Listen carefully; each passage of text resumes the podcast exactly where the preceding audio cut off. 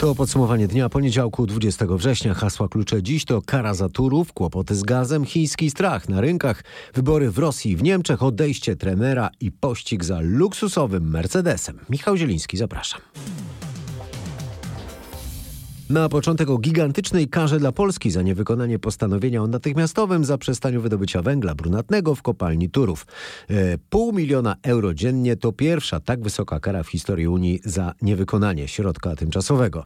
E, pierwsze pół miliona euro już zostało Polsce naliczone w poczet kary. Jak informuje nasza korespondentka w Brukseli Katarzyna Szymańska-Borginą, polskie władze po południu odebrały postanowienie wiceprezes TSUE. Co będzie, jeśli polskie władze będą się uchylać od płacenia tej kary? Nie ma takiej możliwości, żeby nie płacić, bo taka odmowa oznaczałaby, że komisja pomniejszałaby wypłatę unijnych funduszy dla Polski właśnie o tę kwotę. Pieniądze z tych kar będą zasilać unijny wspólny budżet. W dodatku, jeżeli Polska będzie zwlekać, czekając na przykład na ostateczny wyrok w sprawie Czechy przeciwko Polsce, to Praga może w międzyczasie wnioskować do CUE o zwiększenie tej kary. Ma do tego prawo. A przypomnę, że Czechy w czerwcu wnosiły o 5 milionów euro dziennych kar. W dodatku nie bardzo może się opłacać takie czekanie do ostatecznego wyroku, bo jeżeli by Polska przegrała, to także musiałaby zaprzestać wydobycia węgla. A więc nie dość, że trzeba by było codziennie płacić pół miliona euro dziennie do stycznia czy do lutego, ale w końcu i tak trzeba by było zaprzestać wydobycia węgla. Wydaje się więc, że jedyną możliwością jest porozumienie się z Czechami i wycofanie przez nich skargi, ale niestety to porozumienie odbędzie się już pod presją kar, a więc na czeskich warunkach. Związkowcy z Turowa mówią, że są zaskoczeni wysokością kary dla Polski. Nasz dziennikarz Paweł Pyclik rozmawiał z szefem tamtejszej Solidarności. Nie spodziewałem się takiej decyzji. Usłyszałem od Wojciecha Ilnickiego, przewodniczącego NSZZ Solidarność Kopalni Węgla Brunatnego Turów. TSUE takich kar e, wysokich nigdy nie nakładała, więc, więc w ogóle to jest kolejna niedorzeczność. Najwyższa kara 100 tysięcy euro zadali za Puszczę Białowieską, gdzie jest, można powiedzieć, dziedzictwo całej Europy a 500 tysięcy euro wskazują za to, że e, ponoć brakuje wody, której nie brakuje. Dziś w Bogatyni właśnie w związku ze sprawą kopalni Turów jest minister klimatu i środowiska Michał Kurtyka. Spotyka się między innymi ze związkowcami. Wieczorem polskie władze zapowiedziały, że i tak nie zamkną kopalni, która dostarcza węgiel brunatny do wielkiej elektrowni odpowiadającej nawet za 7% e, produkcji prądu elektrycznego e, w naszym kraju. Tymczasem według władzy kontrolowanej przez państwo spółki PGE, do której należy kopalnia, jej zamknięcie zamknięcie wiązałoby się z kosztami rzędu kilkunastu miliardów złotych, czyli jakichś 3-4 miliardów euro. Jak nie trudno policzyć, nawet gdyby Polska musiała płacić kary aż do lutego, y, to ich y, łączna wartość to byłoby jakieś 70 milionów euro. Suma zupełnie nieporównywalna z kosztami zamknięcia y, kopalni w Turowie. Decyzja o nałożeniu kary, poza oczywistym finansowym wymiarem, ma jeszcze jeden istotny aspekt sądowo-polityczny. Chodzi tu o spór prowadzony nie tylko między Polską i Komisją Europejską, ale też między Trybunałami Polskim i Europejskim. Zwraca uwagę Tomasz Skory. Tak, bo daty wydania dzisiejszego postanowienia nie da się nie skojarzyć z zapowiedzianą na pojutrze rozprawą w Trybunale Konstytucyjnym, który ma zbadać, czy wyższą rangę ma w Polsce konstytucja, czy podpisane przez Polskę umowy międzynarodowe. Pośrednio wyrok ma więc dotyczyć możliwości podważania przez Polskę orzeczeń właśnie Europejskiego Trybunału Sprawiedliwości. Nałożenie przez wiceprezes TSUE kary akurat dziś, wiele miesięcy po czeskim wniosku w tej sprawie wprost wygląda więc na polityczny nacisk. Oficjalnie to byłoby niedopuszczalne, ale przypomnę, że nie inaczej było z zabezpieczeniem w sprawie Izby Dyscyplinarnej z połowy lipca. Europejski Trybunał nakazał jej zamrożenie nie na dwa dni, a dwie godziny przed wyrokiem Warszawskiego Trybunału w tej sprawie. Ta konfrontacja Trybunałów to tylko część konfrontacji Polski z Unią. Wojny, która staje się coraz bardziej zacięta. Było o Polsce, Europie i o prądzie, a teraz będzie Europa, gaz i Polska. Jak się okazuje, gaz może być jeszcze droższy i to mimo serii podwyżek, w tym ostatniej z zeszłego tygodnia. W przyszłym roku zapłacimy zapewne jeszcze więcej. Ta ostatnia podwyżka z zeszłego tygodnia, która ma wejść w życie od października, to 7,5%, ale tylko dzisiaj e, na giełdzie towarowej w Warszawie e, cena gazu wzrosła mniej więcej właśnie o tyle. Jak mówi ekspert rynku energii Wojciech Jakubik, e, zapewne kolejna podwyżka przyjdzie już na początku przyszłego roku. Myślę, że nowa taryfa gazowa może być wyższa o kilkanaście procent, to nie będzie kilkadziesiąt procent, które zobaczymy na rynku energii e, elektrycznej i y, raczej przez najbliższe kilka miesięcy będzie drożej, bo nie ma siły. W całej Europie jest drożej, u nas też e, będzie troszkę drożej, natomiast wiosną powinna przyjść ulga ze względu na spadek zapotrzebowania, na dalszą dywersyfikację, powrót LNG do Europy i inne trendy, które powinny globalnie obniżyć te ekstremalnie wysokie ceny gazu. W powrocie LNG do Europy chodzi o to, że gazowce, które przewożą skroplony gaz na razie płyną głównie do Azji, bo tam ceny są e, równie wysokie. E, jednym z powodów e, tego, co się dzieje z cenami gazu na naszym kontynencie są pustki w magazynach i o celowe działanie oskarża się tutaj Rosjan, którzy kontrolują część magazynów i są największym dostawcą dla Europy. Rosyjski Gazprom przed zimą nie zwiększa dostaw surowca i powtarza, że zrobi to dopiero kiedy ruszy Nord Stream 2. A dodam jeszcze, że gaz to nie tylko tylko ciepło, drożeje produkcja w fabrykach chemicznych, a na przykład droższe nawozy to wyższe koszty dla rolnictwa, a więc kolejne podwyżki cen jedzenia. Teraz w podsumowaniu dnia o strachu na światowych rynkach, w tym na giełdzie w Warszawie. E, indeks WIG20 e, stracił dzisiaj 2,6%. Na innych giełdach było mniej więcej podobnie. E, tracił również złoty. Sygnałem do sprzedaży akcji, a także do wyprzedaży mniej pewnych walut, w tym złotego, jest katastrofalna sytuacja gigantycznego chińskiego dewelopera. Ten deweloper jest naprawdę gigantyczny. Firma Evergrande buduje setki tysięcy mieszkań, a skala i zadłużenia to uwaga ponad 300 miliardów dolarów i to jest e, dług porównywalny z długiem publicznym polskiego państwa. E, u nas w Polsce rocznie oddaje się 200 tysięcy mieszkań, a w Chinach, uwaga, 15 milionów to znacznie więcej niż w całej Europie i Ameryce Północnej razem wziętych. O tym, czy Evergrande zbankrutuje i czy dzięki temu tańsza będzie budowa domów w naszym kraju, rozmawiałem o tym z ekonomistą doktorem Przemysławem Kwietniem. Jeśli firmie rząd pozwoli upaść, e, no to oczywiście będą straty. I teraz e, przy takiej sytuacji, no, nikt nie ma e, arkusza z dokładnymi wliczeniami z banków, z kontrahentów. Nikt do końca nie wie, gdzie te straty w jakiej skali są. Mówi pan o takim efekcie e, domina, więc... o takim rozlaniu się tego tak, efektu na całą gospodarkę. Dokładnie. Powiedział pan o tym, że nie jest pewne, czy chiński rząd pozwoli firmie o tej skali upaść. E, czyli może, tak. być, może być tutaj pewne porównanie do Lehman Brothers, że ta firma jest too big to fail, za duża, żeby upaść. A ta kwestia też jest jakoś wrażliwa politycznie, no bo wiemy, że chińskie władze obawiają się wszelkiego rodzaju buntu. E, no i też trzeba wiedzieć, że Chińczycy mają ogromną część swoich majątków, swoich oszczędności w e, nieruchomościach. To jest 80% prawie, dużo więcej niż na Zachodzie. Czy prezydent Xi i towarzysze pozwolą Evergrande upaść? No wie pan, e, z jednej strony tak, a z drugiej strony proszę zwrócić uwagę na to, co się działo ostatnio w Chinach. Wielkie firmy stanęły pod pręgierzem władz i potulnie e, wykonują różnego rodzaju polecenia. Te firmy są potrzebne e, partii, że pozycja strategiczna Chin rosła, tak? Czyli to, co się dzieje. Chiny są na kursie stania się globalnym numerem jeden. Nie, nie oszukujmy się.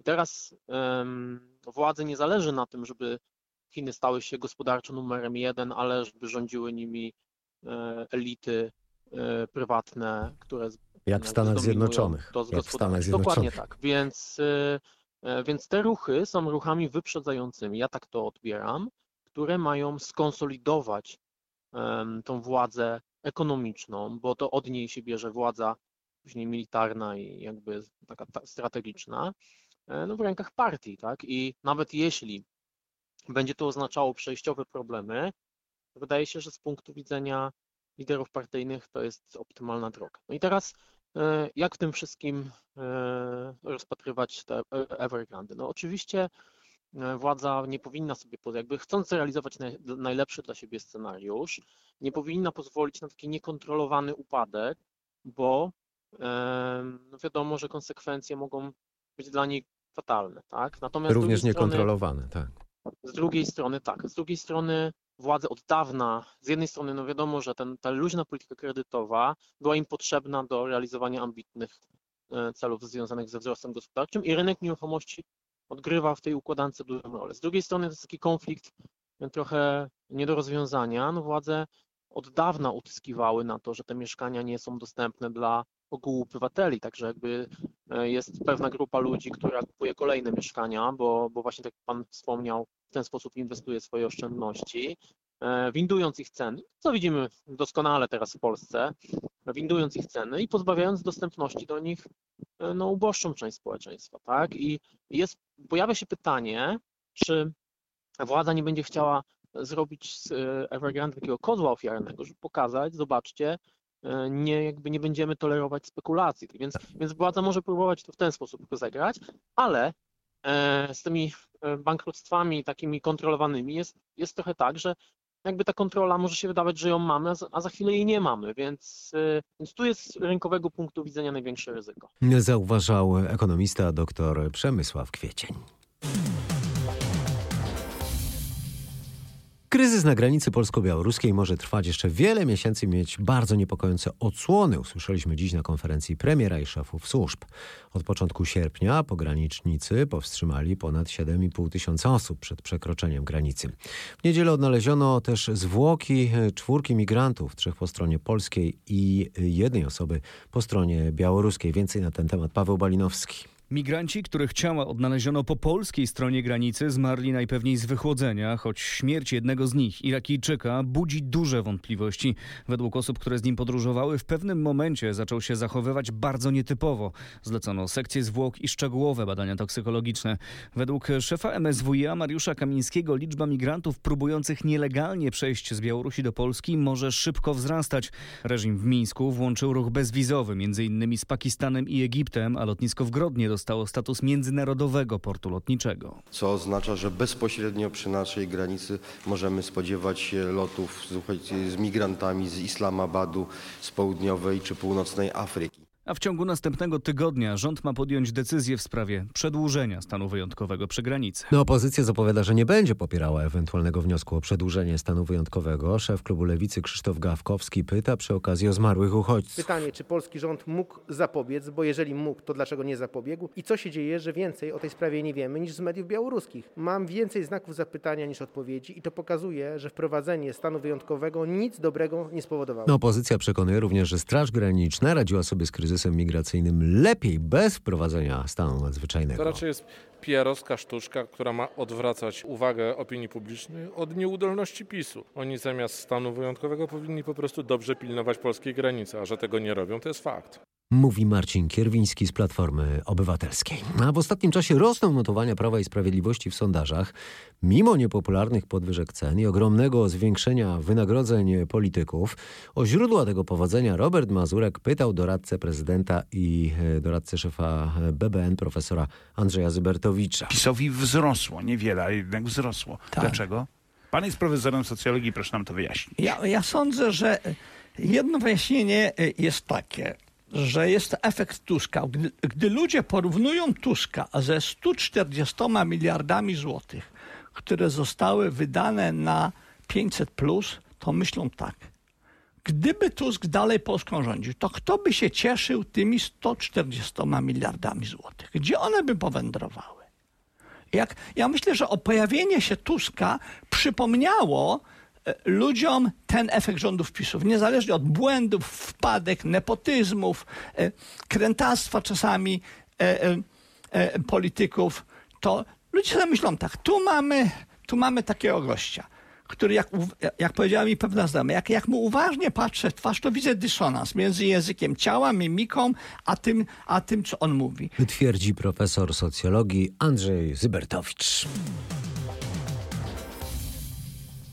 połowie tygodnia mamy poznać decyzję o tym, kto jeszcze uzyska prawo do otrzymania trzeciej dawki szczepionki przeciwko koronawirusowi. Tak zapowiedział minister zdrowia Adam Niedzielski. Dyskutujemy jeszcze z panem premierem i poproszę o dzień, dwa cierpliwości. Wszystkie szczegóły zostaną przedstawione. Kto może uzyskać to prawo do przypominającego szczepienia i co na to lekarze? O tym Michał Dobrowicz. Najprawdopodobniej takie prawo dostaną pracownicy ochrony zdrowia, którzy mają bezpośredni kontakt z pacjentami, seniorzy oraz pacjenci z kolejnymi chorobami przewlekłymi, na przykład z cukrzycą. W całej Polsce to grupa grupa aż ponad 2 milionów osób, dlatego jak komentuje diabetolog profesor Beata Mrozikiewicz-Rakowska, w pierwszej kolejności należy myśleć o diabetykach z najsłabszą odpornością. A więc to są chorzy z cukrzycą typu pierwszego, na pewno chorzy z cukrzycą typu drugiego już leczeni za pomocą insuliny, chorzy, którzy są dializowani i tak naprawdę docelowo wszyscy chorzy z cukrzycą. Do tej pory trzecią dawkę szczepionki w Polsce dostało około 8 tysięcy osób. To m.in. osoby po przeszczepach, które przyjmują leki immunosupresyjne. A za oceanem, wbrew propozycji prezydenta Joe Bidena, grupa ekspertów Amerykańskiej Agencji Żywności i Leków zdecydowanie odrzuciła pomysł,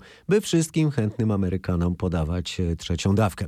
Według tych ekspertów, po pierwsze, nie ma dostatecznych danych dotyczących sensu takich przypominających szczepień, bo nie wiadomo o ile wzmacniają one odporność. Po drugie, wobec powyższego trzeba uważać na efekty uboczne i wskazuje się tu nade wszystko na ryzyko powikłania poszczepiennego w postaci zapalenia mięśnia sercowego u młodych mężczyzn. Na te rekomendacje amerykańskiej agencji powołuje się grupa izraelskich lekarzy i naukowców, którzy zagrozili rządowi Izraela pozwem sądowym, jeśli nie wycofa się z polityki wycofywania certyfikatów covidowych dla osób, które nie przyjmą trzeciej dawki. W Rosji znane są już wstępne wyniki wyborów. Partia Władimira Putina, jedna Rosja, zdobyła niemal połowę głosów. Tak podała komisja wyborcza po przeliczeniu 99,9% głosów. E, to ponad 50% głosów dawałoby rządzącemu ugrupowaniu ponad 2 trzecie głosów w Dumie, mm, a więc możliwość samodzielnego rządzenia. W sondażach jedna Rosja miała 30% poparcia, więc pojawiają się głosy krytyki, by nie powiedzieć e, oskarżenia o e, fałszerstwo wyborcze. W Moskwie wieczorem protestowali zwolennicy partii komunistycznej, która zdobyła 19% głosów i niektórzy z polityków tej partii mówili wprost o fałszerstwie. Zwracali przy tym uwagę na to, że w Moskwie kandydaci partii komunistycznej wygrali w połowie z obwodów, ale po dodaniu wyników głosowania elektronicznego okazało się, że przegrali. Niespełna tydzień pozostał do wyborów do niemieckiego Bundestagu. Przyniosą one, to pewne, zmiany na stanowisku kanclerza. Angela Merkel bowiem odchodzi. Przynieść mogą również zmianę władzy, widmo utraty, której wisi nad HDK-ami z CDU-CSU. O najnowszych sondażach opowiada Aneta Łuczkowska. Według sondaży niedzielne wybory dadzą zwycięstwo socjaldemokratom z SPD. Według najnowszego badania dla Bild am Sonntag SPD może liczyć na 26% głosów. Poparcie sondażowe dla partii się nie zmienia. Na drugim miejscu CDU-CSU z przewidywanym poparciem na poziomie 21%, to o jeden punkt więcej niż tydzień wcześniej. 15% ankietowanych chce zagłosować na zielonych, liberałowie z FDP mogą liczyć na 12%, a antysystemowcy z AfD na 11. Wczoraj odbyła się też kolejna debata najpoważniejszych kandydatów do stanowiska kanclerza. Po raz kolejny jej zwycięzcą został okrzyknięty Olaf Scholz, na którego wskazało 42% widzów. Jego rywale Armin Laschet z CDU i Annalena Baerbock, liderka Zielonych, zdobyli odpowiednio 27 i 25% głosów. A co te sondaże oznaczają? Mówią, że najprawdopodobniej czeka Niemców zmiana władzy, a pozycję lidera koalicji rządzącej mogą utracić Chadecy. Pokazują, że przez 12 ostatnich lat mandat Hadeków się nieco zużył i być może Niemcy zagłosują za zmianą. Jednocześnie te wyniki sondażowe pokazują, że możliwych jest wiele scenariuszy. Na pewno nie będzie rządu większościowego. Zwycięzca wyborów będzie musiał szukać koalicjantów i to przynajmniej dwóch. SPD i CDU nie utrzymają razem większości, powróci więc tak zwana wielka koalicja, wariant praktykowany w przeszłości, ale też politycznie niełatwy. Lider CDU Armin Laschet straszy więc, że przyszły rząd może być w całości lewicowy, złożony z SPD, Zielonych i FDP i to najlepiej pokazuje, jak bardzo utraty pozycji i władzy obawia się niemiecka Hadecja. Olaf Scholz, zapamiętajmy to nazwisko, bo to nazwisko najbardziej prawdopodobnego nowego kanclerza Niemiec. A teraz w podsumowaniu dnia jeszcze więcej globalnej polityki. Będzie o sojuszu Stanów Zjednoczonych, Wielkiej Brytanii i Australii. Australijski rząd zapowiedział już zwiększenie wojskowej obecności Stanów Zjednoczonych w tym kraju. To wszystko oczywiście oznaka narastającej rywalizacji pomiędzy starym imperium Stanów, Stanami Zjednoczonymi i nowym, czyli Chinami. Przy okazji wybuchł kryzys dyplomatyczny między Stanami, Australią i Wielką Brytanią z jednej strony, a Francją z drugiej. Nadsekwańska prasa e, komentuje ostro konsekwencje zerwania przez australijskie władze kontraktu zakładającego zakup francuskich okrętów e, podwodnych. Premier Australii Scott Morrison zapewnił, że jego kraj miał zasadnicze i poważne zastrzeżenia e, co do francuskich okrętów podwodnych i to był powód wyboru amerykańskich łodzi podwodnych. Australia zapewnia też, że informowała Francję z wyprzedzeniem o możliwości zerwania kontraktu.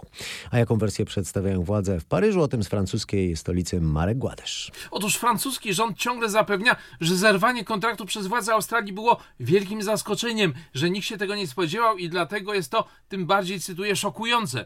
Ale niektórzy pańscy komentatorzy, którzy powołują się na źródła we francuskim Ministerstwie Obrony, sugerują, że nie do końca tak było i w sumie trudno się raczej Australijczykom dziwić. Po pierwsze, okazało się, że francuskie okręty podwodne Australia będzie miała dużo później niż pierwotnie ustalano. Po drugie, stało się jasne, że ich produkcja będzie kosztować dużo drożej niż wcześniej władze w Paryżu obiecywały, a więc w sumie w pewnym sensie Francja nie dotrzymała słowa i myślała, że władze w kamerze na to negatywnie nie zareagują. Po trzecie wreszcie, Francja nie chciała sprzedać Australii okrętów podwodnych z napędem nuklearnym, tłumacząc, że nie zamierza się tą technologią dzielić, a Stany Zjednoczone uznały, że chętnie tą technologią się z Australią podzielą i to zmienia całkowicie sytuację, szczególnie biorąc pod uwagę kontekst geopolityczny.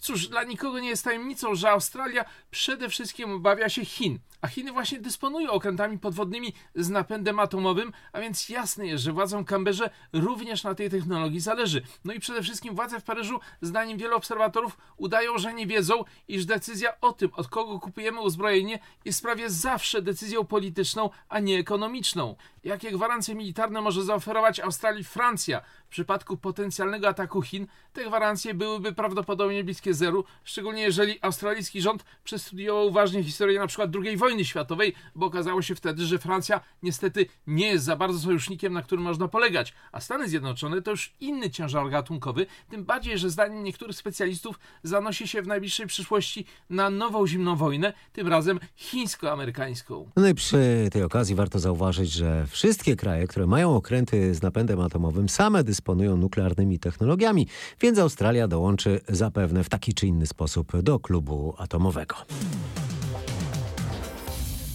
Dość już wielkiej polityki w podsumowaniu dnia. Teraz wrócimy do brązowego medalu dla polskich siatkarzy na Mistrzostwach Europy. Wczoraj wieczorem nasi zawodnicy pokonali Serbię 3 do 0. Katowicki spodek był po brzegi wypełniony kibicami, ale fanów siatkówki nie zabrakło też przed tym obiektem. Działała tam specjalna strefa kibica.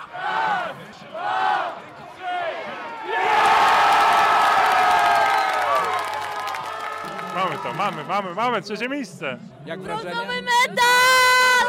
Pozdrawiamy Super, dużo emocji, trochę szkoda, że to nie o złoto, ale i tak emocje sięgają zenitu, dużo radości, dużo krzyku, wspaniale. Po prostu jest super, jesteśmy cały czas w czołówce, cały czas i mamy medal, znowu medal.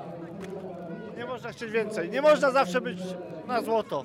To Jest i zwycięstwo tak super. widzę bardzo cieszy. Bardzo, bardzo, naprawdę bardzo. Jesteśmy cały czas w czołówce światowej, cały czas strefa medalowa. I wielkie brawa dla całej drużyny. Ten medal ma swoją wartość. Ma niesamowitą wartość i to jest właśnie ten charakter, że nigdy się nie poddajemy. Kocham siatkówkę i wydaje mi się, że dzisiaj będzie najcudowniejszy wieczór, żeby pożegnać lato. A trener reprezentacji Vital Heinen mimo tego medalu odchodzi w szatni po e, pożegnaniu z zawodnikami płakał. Mimo, że Belg w czasie swojej kadencji, która trwała ponad 3 lata, wywalczył z reprezentacją 6 medali, to jego wygasający w październiku kontrakt nie zostanie przedłużony. Głównym powodem jest brak sukcesu na Igrzyskach w Tokio, uważa Sebastian Świderski, były reprezentant Polski. Trener, kiedy był zatrudniany w naszej reprezentacji, cel był postawiony jasno. Medal, najlepiej złoty na Igrzyskach Olimpijskich, chociaż nikt by się nie obraził, że jakbyśmy zdobyli brązowy. Natomiast e, to był cel nadrzędny, a wszystko miało do, doprowadzić do tego, żeby ten e, medal zdobyć.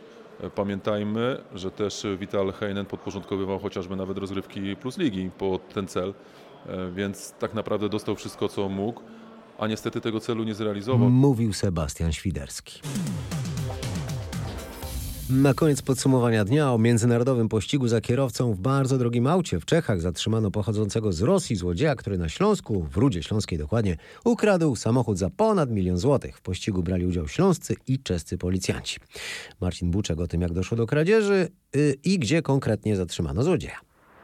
Właściciel auta został napadnięty i pobity, kiedy mył swój samochód w Rudzie Śląskiej. Zaatakowało go dwóch mężczyzn. Na szczęście, dzięki specjalnej aplikacji, szybko ustalono, że skradziony samochód zmierza w stronę granicy z Czechami. Dlatego śląscy policjanci nawiązali kontakt z czeskimi policjantami, a ci za Ostrawą ustawili blokadę i zatrzymali uciekającego kierowcę. Jak się okazało, 31-letni złodziej pochodzi z Rosji. Drugi mężczyzna, który brał udział w napadzie, uciekł. Jak tylko będzie to możliwe, zatrzymany kierowca zostanie przywieziony do Polski. Tak sobie myślę, że polskie i czeskie władze, by zakończyć kryzys wokół kopalni w Turowie, mogłyby wziąć przykład z policjantów polskich i czeskich, którzy razem złapali złodzieja. I to już wszystko w dzisiejszym podsumowaniu dnia. Michał Zieliński, kłaniam się i do usłyszenia jutro.